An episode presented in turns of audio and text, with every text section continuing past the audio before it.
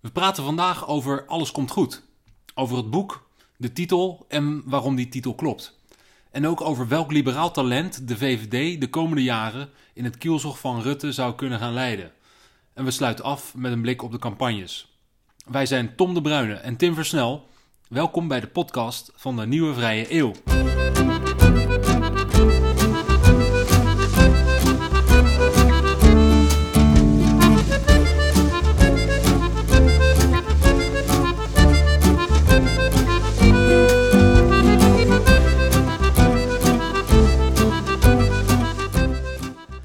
Hey Tom, dat is lang geleden dat wij een keer met z'n tweeën in de podcast hebben gezeten. Niet te doen, man. Ik zit gewoon altijd maar met, met die, met die terraalnichten over, uh, over verkiezingen en over, uh, over verkiezingscampagnes. En dit gaat nog eens over inhoud. Dit is, uh, ja. En die verkiezingscampagne niet echt, of, of vind je? Nee, nee, dat gaat over vorm. Het gaat puur over vorm. Uh, terwijl, uh, terwijl we het vandaag gaan over hebben, gaat veel meer over inhoud. Um, ik uh, heb met heel veel plezier een boek gelezen dat niet toevallig jij samen met Klaas geschreven hebt. met als titel Alles komt goed.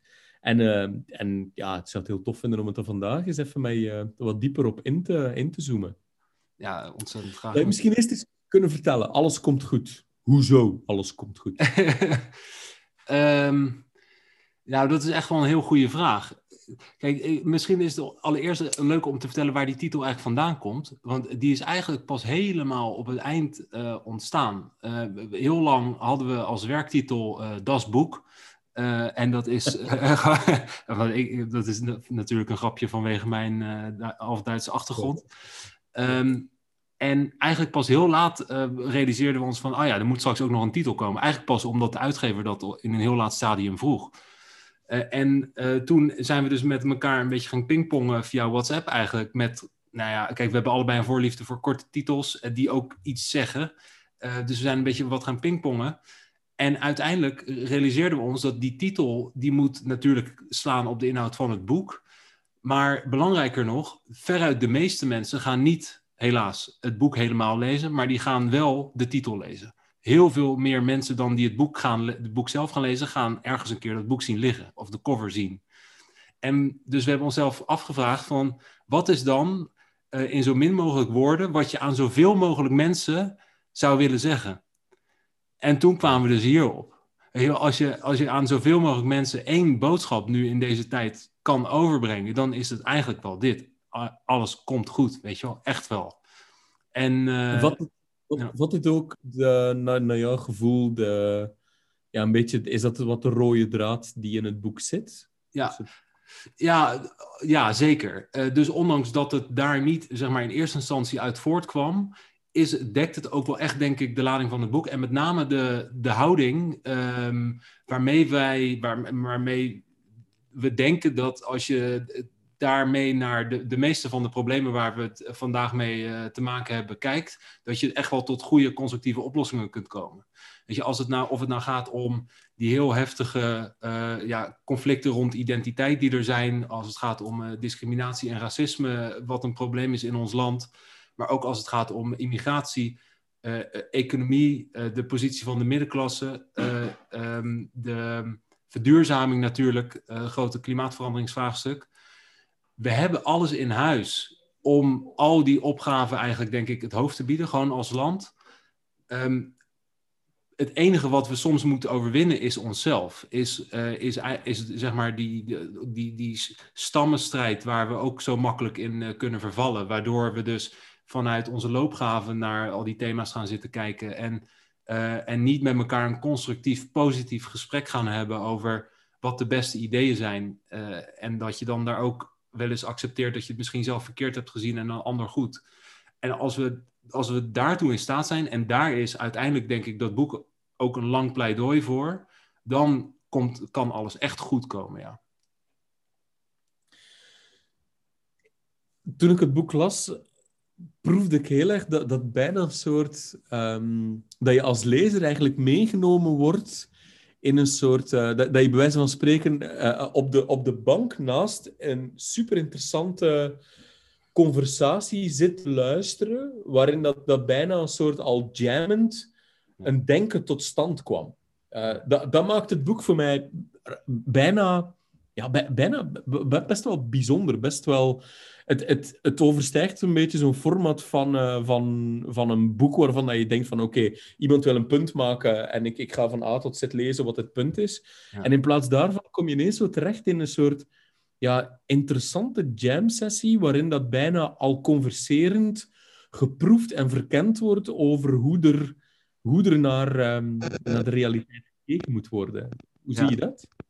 Ja, nou ja, kijk, die vorm die, uh, die is inderdaad een beetje anders dan, dan de meeste politieke boeken. En dat is ook iets waar we ja, wel echt heel bewust over hebben nagedacht.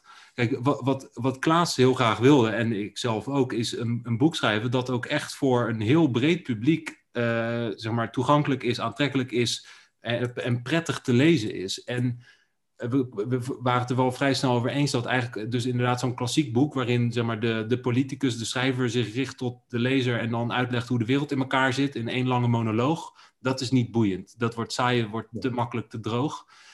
En dus we dachten ook van ja, kijk, als wij als we gaan praten over nou, al die kwesties.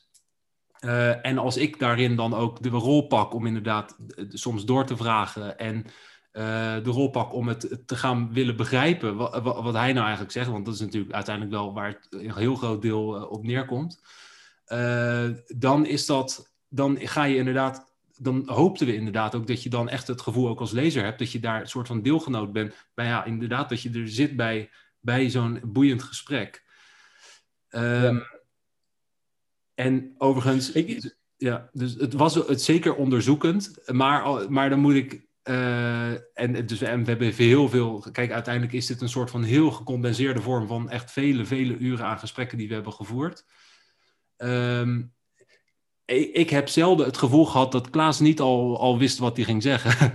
de, want nou, jij, jij, kent hem ook. Hij is natuurlijk iemand die uh, in de afgelopen jaren uh, zo uitgebreid over deze kwesties heeft nagedacht en heel veel voorwerk heeft gedaan. Dus hij had volgens, voor mijn gevoel altijd wel vrij sterk de ideeën in zijn hoofd. Voor mij was het een enorme, boeiende, ja, intellectuele reis. Uh, waarin ik zelf ook gewoon echt extreem veel heb geleerd. Begin je net vragen. Wat, ja. hey, wat heb je geleerd? Wat zijn dingen die er voor jou echt uitsprongen, die je denken ja, beïnvloed hebben? Ja, nou, er zitten denk ik een paar heel boeiende concepten in. Um, die ik nog niet kende en die nu denk ik ook wel uh, echt een belangrijk onderdeel in mijn denken zijn over die kwestie. De, de twee uh, die, die daarbij gelijk naar boven komen is uh, de leidcultuur als het gaat om de samenleving. Ja. En eigenlijk ja, en, en het concept van de polis als het gaat om, om immigratiebeleid. En, kan je beide uitwerken? Ja, de, leidcultuur, dat is uh, eigenlijk een uh, concept van een Duits-Syrische socioloog. Um, ergens in de jaren negentig is hij daarmee gekomen. En wat hij eigenlijk zegt is in multiculturele samenlevingen, zoals je die nu nou ja, zijn observatie was toen dus natuurlijk op Duitsland gericht, maar dus eigenlijk breder toepasbaar op, eh, op het moderne Westen. We hebben allemaal multiculturele samenlevingen. En daar, daar leven mensen uit culturen naast elkaar, waar eigenlijk op het, op het niveau van fundamentele waarden botsingen zijn. Dus er zijn, uh, uh, en dan met name dus tussen zeg maar, de vrije westerse cultuur en nou ja, sommige niet-westerse minder vrije culturen. Dus waar dus bijvoorbeeld op het vlak van gelijkheid van man en vrouw en de, de emancipatie van, van homoseksualiteit en, nou ja, en vrijheid van meningsuiting, dat soort dingen, die, die wijzen eigenlijk de, de vrije westerse waarden daar, daarin af. En wat zijn centrale punt is, um, onze samenlevingen zijn uh, en blijven uh, multicultureel. In de zin van, daar, we, hebben nu eenmaal gewoon mensen met elkaar samenwonen uh, die inmiddels ook op in zekere zin een gemeenschap vormen met verschillende culturen. Dat verandert niet. Maar om dat samenleven beter te gaan laten werken, um, moet er iets van een hiërarchie in die waarden in een samenleving zijn. Uh, en hij zegt van die, de, de uh, moderne westerse cultuur um, is in staat om als een soort paraplu-cultuur te dienen, waaronder er vrijheid is voor allerlei zeg maar, eigenheid van andere culturen. Um, de, dus als het ware, die, die vrije westerse cultuur vormt een heel groot huis. uh, van vrijheid, waarbinnen er ruimte is voor een enorme verscheidenheid en diversiteit in allerlei opzichten. Um, maar daarbuiten mag er niks zijn. Dus als zeg maar, die vrijheid zelf wordt afgewezen, daar, is, daar kan geen plek voor zijn. Nou, en dat, dat vind ik een heel boeiend concept, omdat het. Um, kijk, ik, ik zie mezelf een beetje als, uh, als een progressieve liberaal. Um, dus ik geloof heel erg in vrijheid. Ik wil dat die vrijheid in stand blijft. Uh, ik geloof dat in een vrije, een vrije manier van leven het, mooie is, het mooiste uit mensen naar boven kan komen. Um, en ik wil daar ook principieel voor staan. Uh, en dus ook eigenlijk, zeg maar, dat wat daarin dan intolerant is, daarnaar ook intolerant zijn. Um, maar aan de andere kant, kijk, ik, ik zie ook dat we gewoon een divers land hebben. Uh, dat is ontstaan. Uh, daar, daar moet ook ja, ruimte voor zijn. Weet je, we kunnen niet zeggen, ja, alles wat niet op ons lijkt, dat wijzen we af. En dit concept eigenlijk helpt mij voor mezelf heel goed begrijpen dat, dat ik dus zowel principieel dat liberaal kan zijn, maar dat ik daarvoor dus ook ruimte heb voor, nou ja, voor die veelkleurigheid daarnaast. Dat, dat kan in hand in hand eigenlijk gaan. Dus daarom, daar vind ik het een heel mooi concept voor. Ja, ik, ik, vond het ook. Ik moet zeggen dat ik, uh, dat die passage ook echt uh, twee keer gelezen heb. En, en ik vond het een fantastisch handvat. Um, dat idee van, van dat dat we... Eh, kijk, uiteindelijk het doel van deze podcast is om het liberalisme weer geil te maken. Ja. En ik dacht van ja, dat is toch wel een sleutelconcept voor geil liberalisme. Namelijk liberalisme dat assertief is en dat zich kwaad maakt voor, um, voor het duidelijk stellen van, uh, van de grenzen. Het deed me denken aan een ander concept die ik vrij recent ook gehoord had, namelijk de, de Popper-paradox. Um, dus Karl Popper, uh, ja. de, van de open samenleving die, eh, die zei van ja, er is natuurlijk één paradox in vrijheid, is dat uh, moet een, een, een, een, samenleving die uiteindelijk staat voor ultieme vrijheid, moet die dan ook niet de vrijheid van anderen tolereren die uh, die vrijheid kapot willen maken? Ja. En dat is dus de paradox. en het antwoord is uiteraard nee, je moet in allen tijden uh, deze, deze anti-liberale uh, neigingen proberen te vernietigen.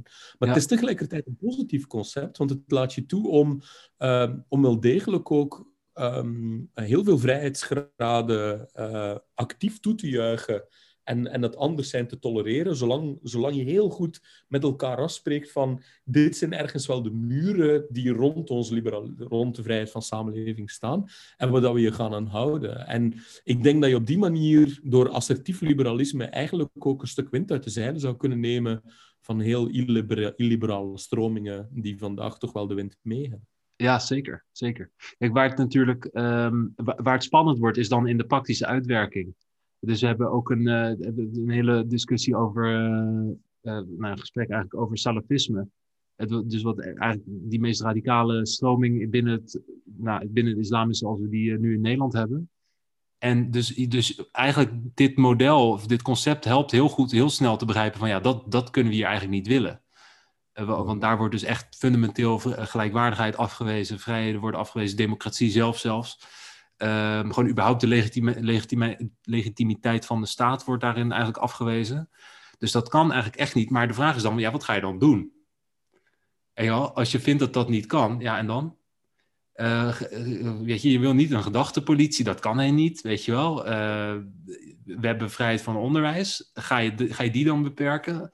Maar nou ja, weet je wel, ga, je, ga je moskeeën sluiten uh, waar die uh, salafistische stroming wordt verspreid? Nou, dat is allemaal nogal heftig.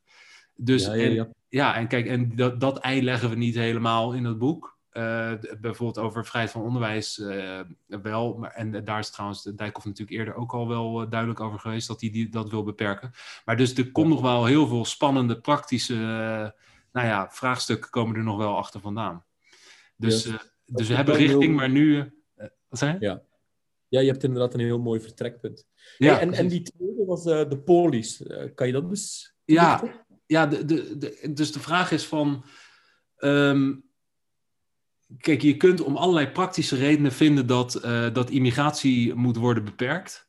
Um, gewoon, nou ja, weet je, omdat simpelweg uh, op een gegeven moment zijn de AZC's vol. Uh, dat is bijvoorbeeld nou, heel praktisch aan de hand geweest. Nou, dan, dan moet je dus eventjes een tijdje de grens, moet je minder mensen toelaten. Er zijn natuurlijk ook allerlei andere redenen misschien te bedenken. Je kunt voor open grenzen zijn en heel veel mensen toelaten. Maar je wil eigenlijk daar ook een soort principeel of een soort, ja, soort, soort ethisch concept voor jezelf hebben van wat, wat, wat rechtvaardigt nou een strenger migratiebeleid of juist niet. En het concept wat in het boek uitgebreid aan bod komt, is dat van de polis. En dat is dus eigenlijk een verwijzing naar de oude Griekse stadstaten, ehm, die een muur hebben, hadden. Ehm, en dat wil dus zeggen een functionele grens. En het centrale idee daarin is dat binnen die ommuring, binnen die grenzen, um, omdat die dus dat wat binnen de grens is en dat wat buiten de grens is van elkaar scheidt, kun je daarbinnen uh, uh, eigenlijk een veel hogere manier van samenleven hebben dan zonder grens. Um, want door die omgrenzing kun je afspraken met elkaar maken waarvan je weet dat die gelden voor de mensen binnen de grens en voor alle andere mensen niet. Als je namelijk afspraken moet gaan maken met, vanuit de veronderstelling dat ze voor alle mensen potentieel gaan gelden, ook de mensen buiten je polis, eh, dan ga je heel erg beperkend moeten zijn in wat je kunt afspreken. Heel praktisch gezien geldt dat bijvoorbeeld voor de verzorgingsstaat. Als je uh, geen grenzen hebt en wij hebben hier op dit plekje aarde hebben we de afspraak dat iedereen die zonder werk komt een uitkering krijgt, dan kan die uitkering maar heel beperkt zijn. Uh, en dan moet je daar hoge eisen aan gaan stellen, want anders komt potentieel iedereen hier die uitkering halen. Omgekeerd, als je een heel duidelijke grens hebt uh, en, en, dat, dus heel, dat je heel gelimiteerd eigenlijk mensen daarin gaat toelaten, uh, dan kan die uitkering potentieel hoger zijn en met relaxtere uh, voorwaarden eigenlijk. Omdat veel minder mensen daar dan aanspraken op gaan kunnen maken. En, en, dus, en minder abstract mensen moeten elkaar vertrouwen. Weet je wel? Mensen moeten een bepaald gevoel van lotsverbondenheid hebben. En die heb je binnen die grenzen van. Ik, en ik zeg automatisch binnen de grenzen van de uh, vrijheid. Dat is uh, uh, Paul Scheffer, bekende essayist en socioloog ook. Die heeft ook een boekje geschreven, De, de Vorm van Vrijheid. en hij, hij betoogt daarin ook over een oud P van de Aman. Dus zo, het is echt een mainstream concept eigenlijk. Ehm, die zegt ook van de vorm van vrijheid is de grens. Alleen binnen een omgrenzing kan vrijheid bestaan. In een wereld, uh, en dat is dan de komma in een wereld, uh, die in, in overgrote mate onvrij is. Zeg maar, want dat is natuurlijk de realiteit van de wereld waar we leven. De, de, wereld bestaat voor het overgrote deel uit uh, nou ja, states en dictaturen. Waarin er nauwelijks mensenrechten zijn, waarin er nauwelijks vrede en veiligheid is. Um, en in dat, nou ja, dat kleine stukje hier, waar het nog, gelukkig nog steeds goed gaat, die vrijheid kun je alleen in stand houden als daar nou ja, een, een, functionele grens is. En dat wil dus niet zeggen, en dat is dan dus de polis. En dat wil niet zeggen dat, dat je nooit niemand moet toelaten, want da daar ga je vervolgens natuurlijk gewoon, daar kun je vervolgens natuurlijk gewoon ja, zelf over beslissen. Maar het overkomt je dan niet. Maar zeg je dan eigenlijk ook dat om, dus om ergens een, een, samenleving die inderdaad niets anders is dan een soort ja, losvaste samenwerking tussen individuen die ergens volgens dezelfde spelregels spelen en van elkaar moet het gevoel hebben dat iedereen volgens diezelfde spelregels speelt, ja. heb je, zegt dit concept van de polis eigenlijk van je moet ten allen tijde heel goed gaan definiëren um, wat, uh, wat, wat, de spelregels zijn. En dat gaan, gaan ook signaleren dat je die afdwingt en dat iedereen zich eraan houdt, zodat niemand ja. eigenlijk zich zorgen hoeft te maken over de spelregels. Ja, ja, ja. Dat we van alle vertrouwen kunnen hebben dat het goed is. Exact, ja, ja, zeker. En dat is super belangrijk. Dus eigenlijk dat concept van die polis en de lightcultuur gaan eigenlijk ook hand in hand. Uh, want de polis wil zeggen, dus we hebben, we hebben een afbakening, we vormen hier een eenheid met een functionele grens. Uh, en daarbinnen geldt die lightcultuur. En waarbinnen ja. er weer ruimte is voor verscheidenheid. En ik denk inderdaad dat uh, dat, dat heel. Dat, dat ook zeg maar die, de, de, de striktheid van de afspraken en ook de, met name de duidelijkheid van de afspraken heel erg hand in hand gaat met het vermogen van mensen om open te zijn voor diversiteit in de samenleving. En voor, om ook op een positieve manier open te staan voor, nou ja, voor de ander als die uh, binnenkomt. Ik denk dat juist um, als, als er onduidelijkheid is, als er twijfel gaat ontstaan over uh, verliezen wij, uh, nou ja, zeg maar, staat onze vrijheid op het spel of, of, um, buigen we te ver mee met mensen die een andere manier van leven voorstaan dan wij zelf? Daarin ontstaat natuurlijk ja, nou ja, angst en, en, en, gevoelens van bedreiging en dus geslotenheid en, en xenofobie en discriminatie en racisme als, als uiting daarvan. Ik, ik, ik zit, er, er, triggert natuurlijk weer een aantal gedachten eigenlijk is het een bijna heel contra-intuïtief idee. Dus nogmaals, ik neem weer het uitgangspunt van deze podcast, namelijk de missie om liberalisme weer geld te maken, of spannend te maken, of sexy te maken. Eigenlijk wat, wat jullie uh, in het boek op uitkomen, is dat het liberalisme juist veel nadrukkelijker zijn, zijn grenzen, zijn muren, zijn randvoorwaarden en moet gaan opstellen en moet signaleren en heel hard moet afdwingen, ten einde eigenlijk er voldoende, laten we zeggen, rust, zelfvertrouwen en vertrouwen ontstaat.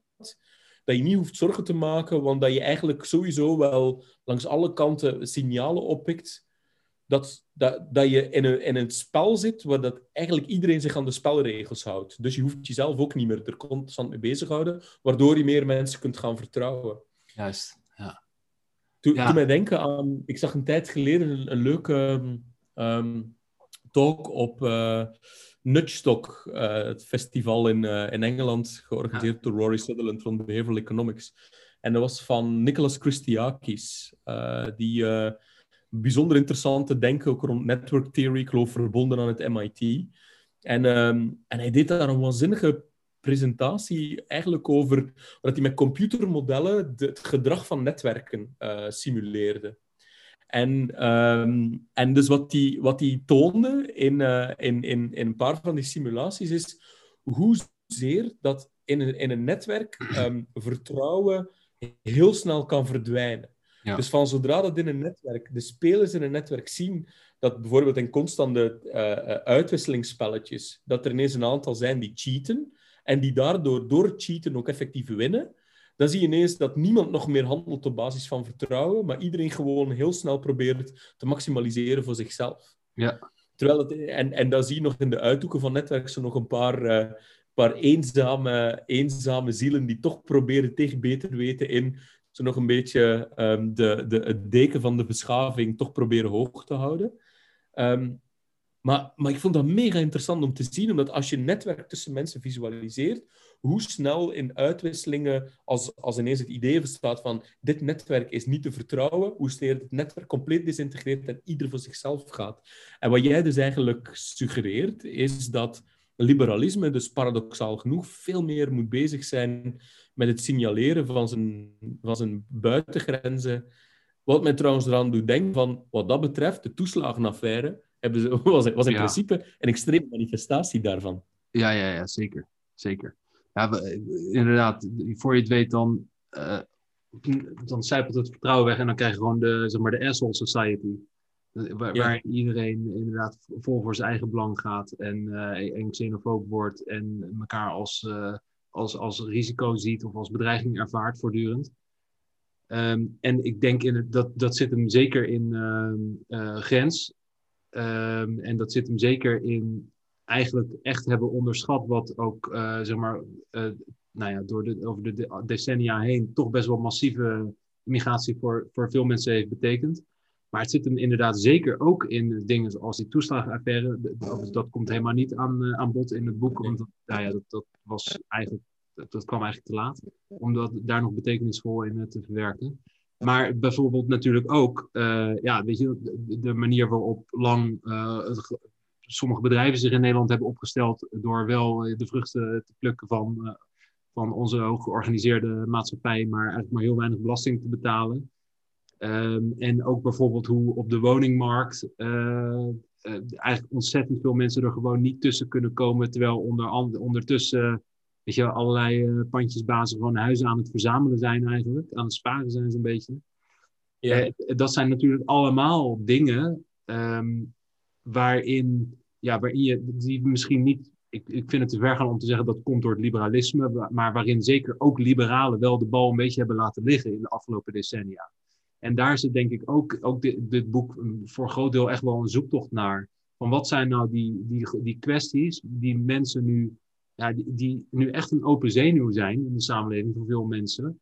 Uh, waarin we het misschien ja, waarin we misschien met de blik van nu toch eigenlijk anders mee om zouden willen gaan dan, dan wat we in het verleden hebben gedaan. Um, zie, je dan ook, zie je dan ook de, de toch wel opmerkelijke verschuiving naar links in, in het discours van de VVD? Zie je dat eigenlijk als een soort, hoe zou ik zeggen, um, poging om dat vertrouwen terug, uh, terug wat te repareren van het doorgeslagen liberalisme?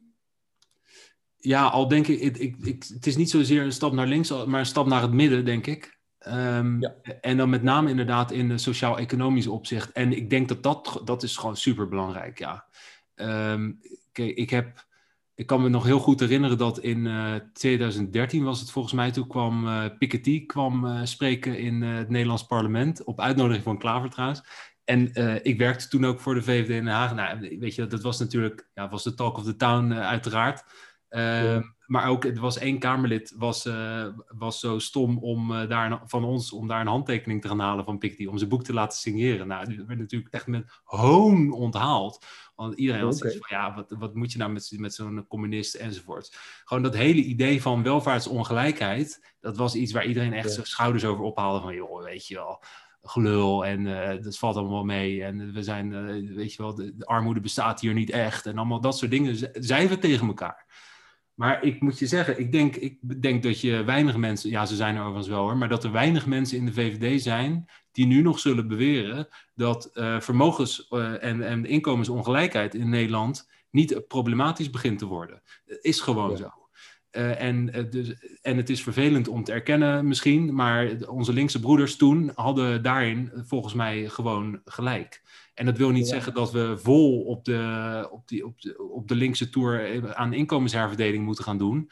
Maar er lopen gewoon dingen uit de rails in de manier waarop, um, nou ja, waarop rijkdom nu eigenlijk door de markt in Nederland uh, wordt verdeeld. En, en, dat leidt tot spanning. En dat leidt ertoe dat, dat veel mensen afhaken en uh, gefrustreerd raken. En, nou ja, en dus eigenlijk die, dat onderlinge vertrouwen, wat je, wat je zo, zo mooi beschreef van wat er in tussen mensen moet zijn, als soort van als bindweefsel voor de mensen in zo'n samenleving, dat, dat neemt daarmee af. omdat mensen zich inderdaad afvragen van ja, ik, ik werk voor mijn gevoel hartstikke hard. Ehm, en ik ben een stuk minder goed af dan allemaal andere mensen die voor mijn gevoel helemaal niet zo hard werken, maar die gewoon slim de regels naar hun hand hebben weten te zetten, die de juiste aftrekposten hebben weten te fixen of overeind hebben weten te houden tijdens bezuinigingsrondes. Uh, weet je wel, en die de slimme accountants en boekhouders hebben die alle fiscale trucs kennen. Ik heb dat niet op mijn beschikking. Ik werk met de tyfus. Uh, weet je wel, wie gaat er eens een keer op mij, zorgen, op mij, uh, op, op, mij letten? En ik denk dat die groep die nou ja, die dat al voelt of in potentie uh, voelt, echt heel groot is. Dus daar moeten, we zeker, uh, moeten we zeker wat mee, ja. ja. En ik, ik denk dat, dat, ja, dat is natuurlijk dat is heel abstract, maar ik denk effectief dat, die, dat mensen de voorbije jaren steeds meer die signalen opgepikt hebben. Um, dat hun een automatische brein en een onbewuste steeds meer die signalen gekregen heeft van wacht eens, dat systeem die werkt wel heel erg goed voor bepaalde soorten mensen. Mhm. En, uh, en die, die lijken wel op een soort winnend loterijticket te zitten. Um, terwijl, dat, uh, terwijl dat daardoor zelfs voor mij het leven nog duurder wordt. Want uh, de prijzen van de huizen rijden, swingen de pan uit. Ik, um, ik kan geen job meer vinden, maar intussen vinden die CEO laag. Uh, die krijgen bonus na bonus.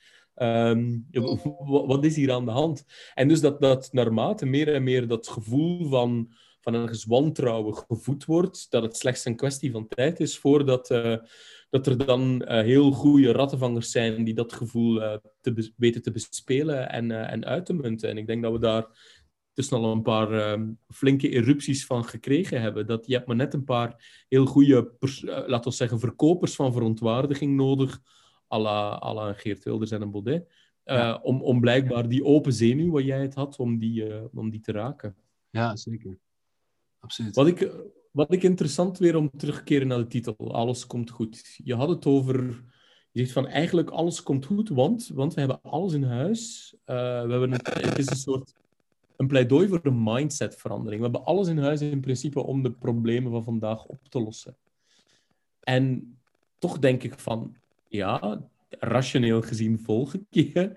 Maar wat is er in godsnaam mogelijk om, om politiek die toch wel een flinke stammenstrijd is, uh, met zoveel belangen, en belangen die niet rationeel uh, onderuit te halen zijn, of met rationele logica onderuit te halen zijn, hoe kan je toch die, ja, ervoor zorgen dat, dat die dingen in beweging komen? ja, nou ja, ja heel goede vraag. Um, kijk, het, is. Uh, oh, weet je, het is ook een soort optimisme waar we met een bepaalde, met een zekere verbeterheid aan moeten vasthouden. Um, en ik denk dat we um, dat het in ons vermogen ligt, gewoon van, van ons allemaal, om.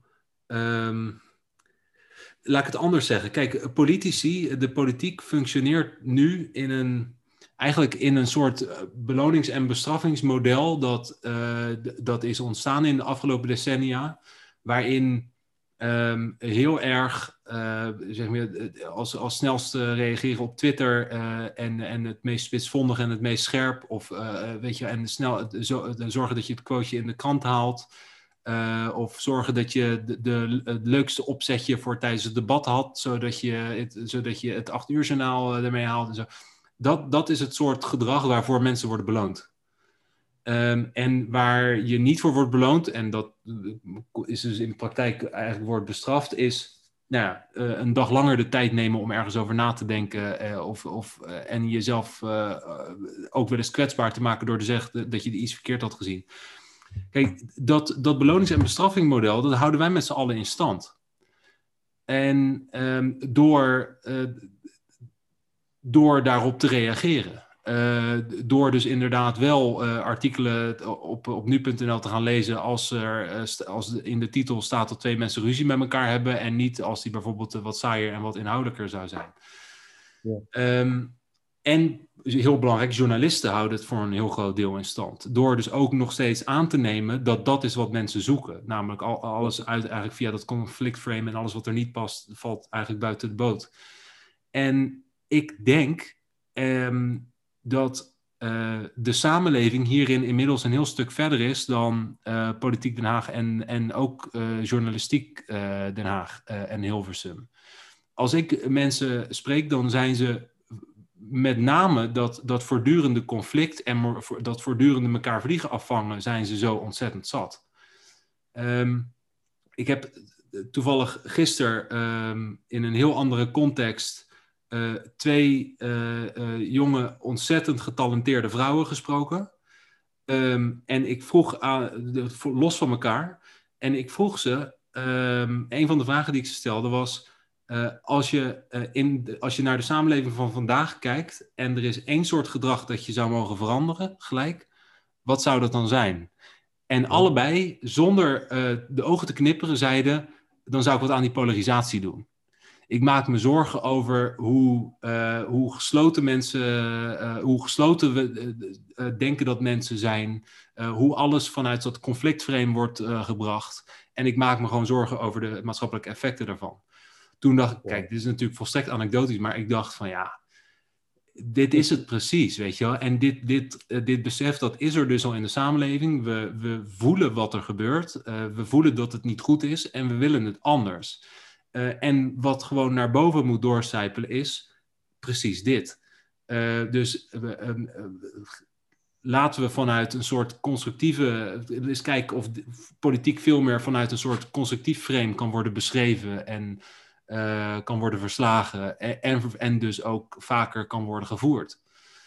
En ja, is, dat, is het naïef? Is het realistisch? Ik ja, ja, ja, want misschien, of het naïef of realistisch, kleine observatie. Ik denk dat Jesse Klaver dit geprobeerd heeft vorige week uh, in, in het RTL-debat. En werd eigenlijk, zowel door VVD, maar in, in ruimere zin, werd weggehoond hiervoor. Hè. Ja. Um, eigenlijk gewoon een positie innemen van, uh, van geen polariserende positie. Om te proberen ja. een, uh, een verbindende positie te doen. Ja, de, zeker. Ja, zeker. Maar het is ook wel. Uh, uh, zeg maar, n is 1 en dan kan het ook door andere factoren verklaard, verklaard worden. en het, is, het, het, waren ook wel heel erg uh, ingestudeerde, gezapige monologies, moet ik heel eerlijk zeggen. Dat, ja, dat deed het ook geen goed. nee, precies. als, als ik daar... Ik, ook een kleine observatie. Um, jullie hebben tussen tweeën dit, dit boek geschreven. Je zou kunnen zeggen, het is een beetje... Um, de, laten we zeggen, de 2.0-versie van Klaassen Manifest, um, die die twee jaar geleden schreef, Liberalisme dat werkt voor de mensen, die, die de ambitie had om echt wel een denkkader te zijn voor, um, ja, voor de partij, eh, enerzijds, en anderzijds om toch ook echt wel een soort bijna manifest te zijn van hoe ontwerpen we de ultieme vrije gelukkige samenleving. Um, Klaas verlaat de politiek. Uh, we zitten, uh, hij was toch een beetje gedroomde kroonprins. We zitten met een markt die niet de belichaming is van een soort visie over hoe ontwerpen de ultieme vrije samenleving. Behalve natuurlijk de visie van als je die goed managt, komt ook al veel goed. Wat tot op zekere hoogte ook wel klopt. Maar ja. dat is een ander verhaal. En de slipstream daarvan ja, is, is eigenlijk vooral nu één groot vraagteken van... Nu? Um, weg, Mark nog één Tour of Duty. En dan, wat, wat denk je? Staat er in de coulissen nu intussen een team klaar die op al de punten waar jij het net over had, uh, lightcultuur, uh, gaan, gaan proberen uh, af te dwingen? Um, liberalisme als een soort speelveld waarin dat we met z'n allen veel meer moeten gaan... vertrouwen gaan pompen door, door de valsspelers gewoon te bestraffen. Maar ook wat je zei over um, niet polariseren, maar eigenlijk juist een andere stijl van politiek te gaan voeren door, uh, door ook gewoon toe te geven van ja, het is voortschrijdend inzicht. Wat jij net klopt ook. Misschien moeten we het anders gaan bekijken. Zullen we er eens even over nadenken? Een quote-unquote stunt die jij een tijd geleden met Denk hebt uitgehaald in, in Rotterdam. Ja. En die voor, uh, ja, voor toch wel heel, heel op... Die, die, die zo raar was dat het eigenlijk wel echt het nieuws haalde.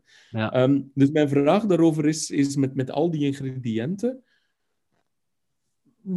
wat, wat nu na, na de verkiezingen? Hoe gaat die, gaan die door de partij opgepikt en gedragen worden?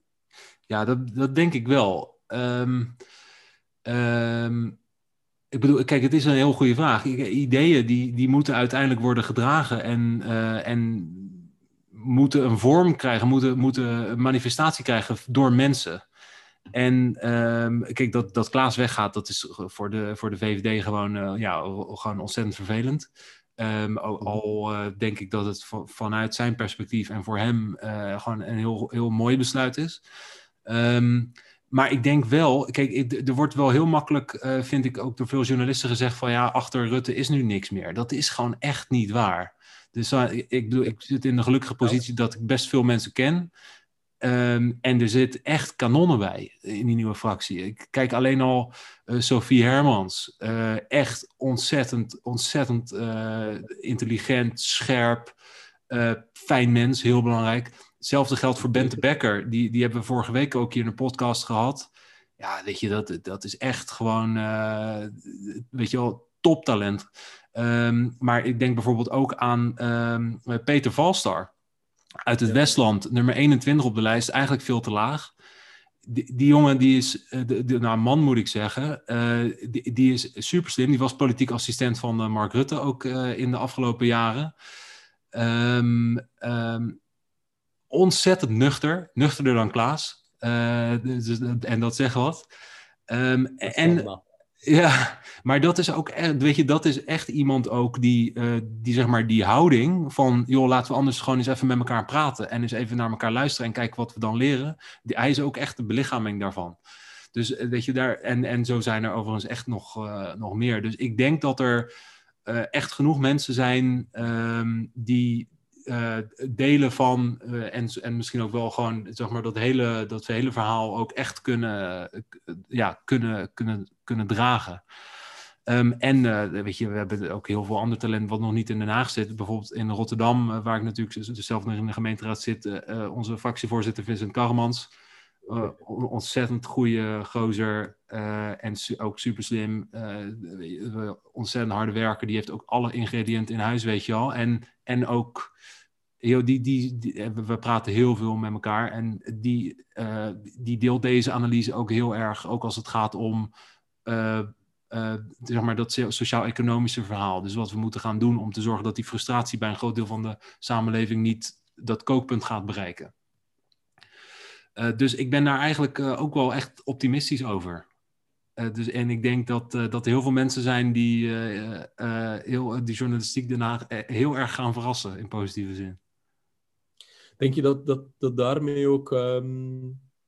Kijk, er, er, is altijd een interessant spanningsveld binnen de VVD. Het traditionele middenstandersliberalisme, rechtsbehoudend enzovoort. Ja. identitair ook. En dan inderdaad die, die jonge garde, die toch wel wat, ik ga niet zeggen links, maar wel progressiever um, staat. Ook, uh, ook een heel ander soort mindset. Lijkt de partij te kantelen? Hm. Nou, kijk, uh, Becker, Bente Becker, die is echt best wel rechts hoor. Dus die, die, oh, uh, die, die wordt ook wel de rechtsbuiten een beetje genoemd. En, maar, maar, maar, dat blijkt, je kan dan je kan knetterrecht zijn en ook gewoon een heel leuk mens en heel warm en zo, weet je wel. Dus dat, die, die hebben we gelukkig dan ook in de VVD. Uh, ja. ik, denk, ik, de, ik hoop wel dat we uh, echt wel allemaal voelen dat er op dat sociaal-economische vlak veel werk aan de winkel is. En dat, dat, weet je, dat we daarvoor niet links hoeven te worden, maar wel die stap naar het midden een tijdje moeten vasthouden. Um, en ja, kijk, en als die concepten, polis, leidcultuur, weet je wel, als we dat als partij ons eigen maken, dan denk ik dat het iets is waar zowel de wat meer progressieve liberalen zoals ik zelf uh, en, en ik denk jij, uh, maar ook uh, weet je, de, de meer die zichzelf dan de klassiek liberalen noemen, die kunnen zich er ook heel comfortabel bij voelen. Want ik ja. bedoel, daar zit ook echt in, er zit ruimte in voor diversiteit en, en een open houding, maar ook echt staan voor onze waarden en, en, en, en, en, en, een zekerheid hebben van, van een functionele grens en dat soort dingen. Dus ik denk dat we da dat daarin ja, dat dat soort van de nieuwe liber liberale middle road een beetje is. Ja, ja. Zijn. ja gaaf. Ten slotte nog, um, nog heel even de verkiezingen. Ja. Uh, geef me eens, um, wat, wat zie je? Wat valt je op? We, we, we hebben elkaar te weinig gesproken de laatste tijd. Als ja. het over de verkiezingen gaat, zijn het altijd leuke 1 2 met, uh, met Mark. Ja. Um, nu dat ik jou ook even heb, uh, ja. wat, wat valt op? Wat zie je? Wat verwacht je? Nou, er zijn twee dingen die, ik, die, die me tot nu toe heel, heel erg opvallen. Um, en de eerste is, ik wil gaan afsluiten met het meest positieve. Dus eh, ik begin dan eigenlijk met de, het ding waar ik het meest, eigenlijk, nou, wat me gewoon het meest teleurstelt. En dat is dat tot nu toe geen enkele partij eigenlijk een echt aansprekend verhaal heeft over duurzaamheid, over klimaatverandering. Het is allemaal of ja, ja, eigenlijk gewoon zo min mogelijk erover praten. Uh, of ja, we moeten het nou doen, want we zijn zondig en we moeten onze manier van leven aanpassen en het zal nooit meer hetzelfde worden. En jammer dan, we hebben het verneukt. Um, en wat ik eigenlijk, wat ik heel graag wil, waar, waar, ik ook heel erg aan geloof, waar wij trouwens ook wel eens vorig jaar een mooie podcast over hebben opgenomen, is, weet je wel, die verduurzaming, die moeten we gaan willen. Um, we moeten, en, en het heeft dat echt in zich. Um, het, het, moet, het voelt te vaak als een soort uh, straf. Zo wordt het ook geframed. Vorige week door Timmermans nog, note of all people. Um, dat, dus toch de Europese klimaatpauze. Dus als iemand daar ook slim over zou moeten communiceren, is hij het wel. Nou, en hij doet het tegenovergestelde. maar het, duurzaamheid is een beloning dit, weet je, dat, zo moeten we het gaan zien, zo moeten we het gaan, uh, gaan ervaren. En dat is ook wat we van onszelf uh, en ook van duurzaam beleid moeten gaan vragen. Weet je, het moet een stap vooruit zijn in onze kwaliteit van leven. Het moet gewoon de volgende stap in de ontwikkeling van de mensheid zijn. Een positieve, iets waar we naar gaan uitkijken. Iets waarvan we, waar we enthousiast van gaan worden om steeds weer de volgende stap te zetten.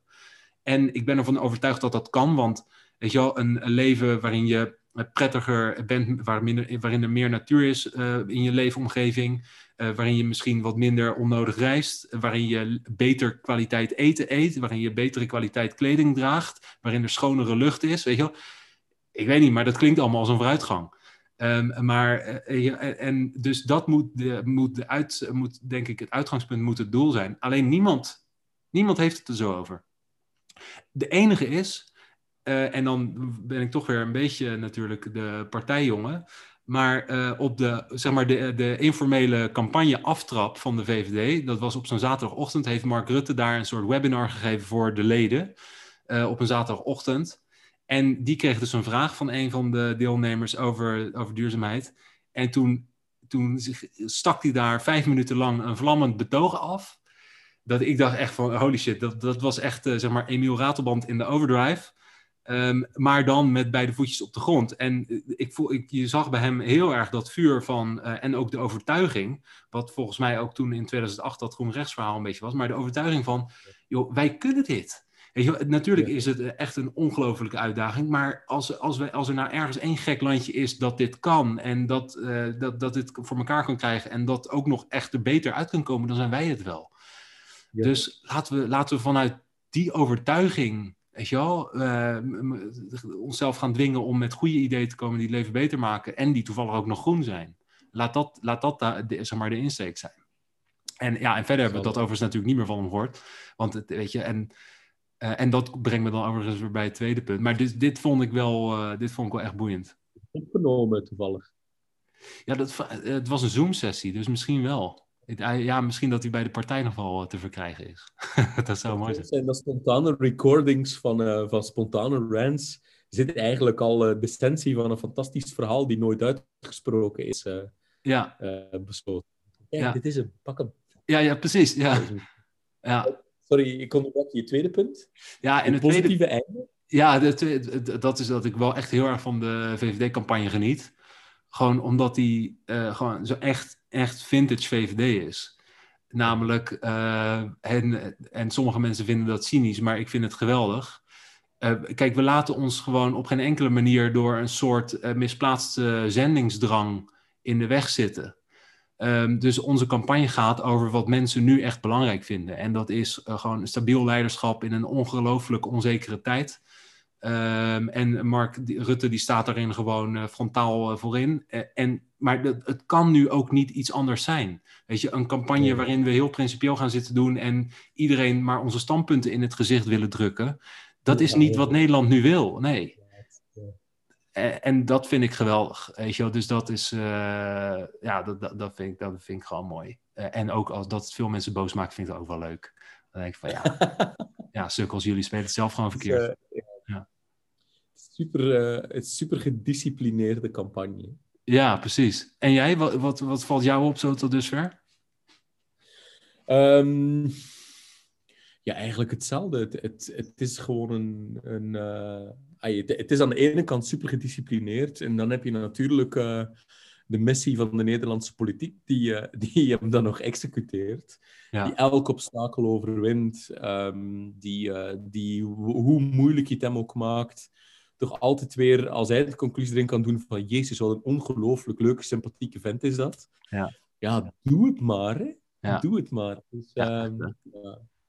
Het, is, um, het is fascinerend om te zien. Ik, ik hoop eerlijk gezegd dat Volt begint wat tractie te krijgen. Ja. Een partij die ik ook echt wel warm hart toedraag. Um, hun manier van denken, ook over politiek, hun standpunten.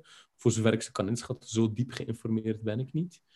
Um, en ja, ik, ik, um, ik, ik ben benieuwd dat behalve soort het clowneske leiderschap die je natuurlijk langs de protestkant hebt, of er ook daadwerkelijk de komende jaren nieuw leiderschap gaat opstaan die in staat is om de bevolking ook echt in vervoering te brengen. Dat mis ik heel erg in de boegbeelden die ik vandaag zie. Ja. En uiteindelijk ik denk dat de grootste denkfout in campagne is dat de woorden en de boodschappen de campagne maken. Dus allemaal bullshit. De woorden en de boodschappen die zijn een middel om, uh, om de leiderschapsfiguur uh, interessant, uh, aspirationeel en aantrekkelijk te maken. hoe dat hij het uitspreekt, waar dat hij voor staat, ehm, waar dat hij zich boos voor maakt, hoe dat hij zich opstelt. Dat is uiteindelijk wat mensen onthouden. En ja, dat, dat laat ons zeggen dat, ehm, dat je zo er één hebt die er torenhoog bovenuit steekt. Eén die eigenlijk uh, er heel hoog bovenuit steekt uh, in termen van het, het vertolken van de proteststem. Dan nog één die ja, een beetje een soort clown is, maar die wel de, de echt wat geradicaliseerde proteststem naar zich toe weet te trekken. En dan al de rest, ja, ja, ja. Is, is, moet nog heel hard werken om, um, om, het, om mensen het gevoel te geven dat ze de leider zijn die, die hen bij de hand gaat nemen uh, richting een betere toekomst. Ja, precies.